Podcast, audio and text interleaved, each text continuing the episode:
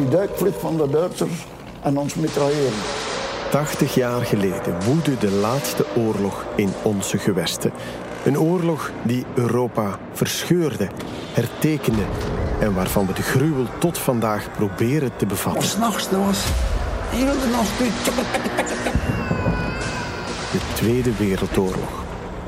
En de laatste generatie die hem zelf heeft meegemaakt, doven straks ook de laatste rechtstreekse herinneringen eraan uit. Wie kan zo slecht zijn om mensen te verraden? Ik moet er niet fier over zijn. In deze podcastreeks praten we nog één keer met die allerlaatste getuigen, opdat hun verhalen nooit verloren gaan. De, de nazi hebben mijn moeder en mijn zuster in de gaskamer van Auschwitz vermoord.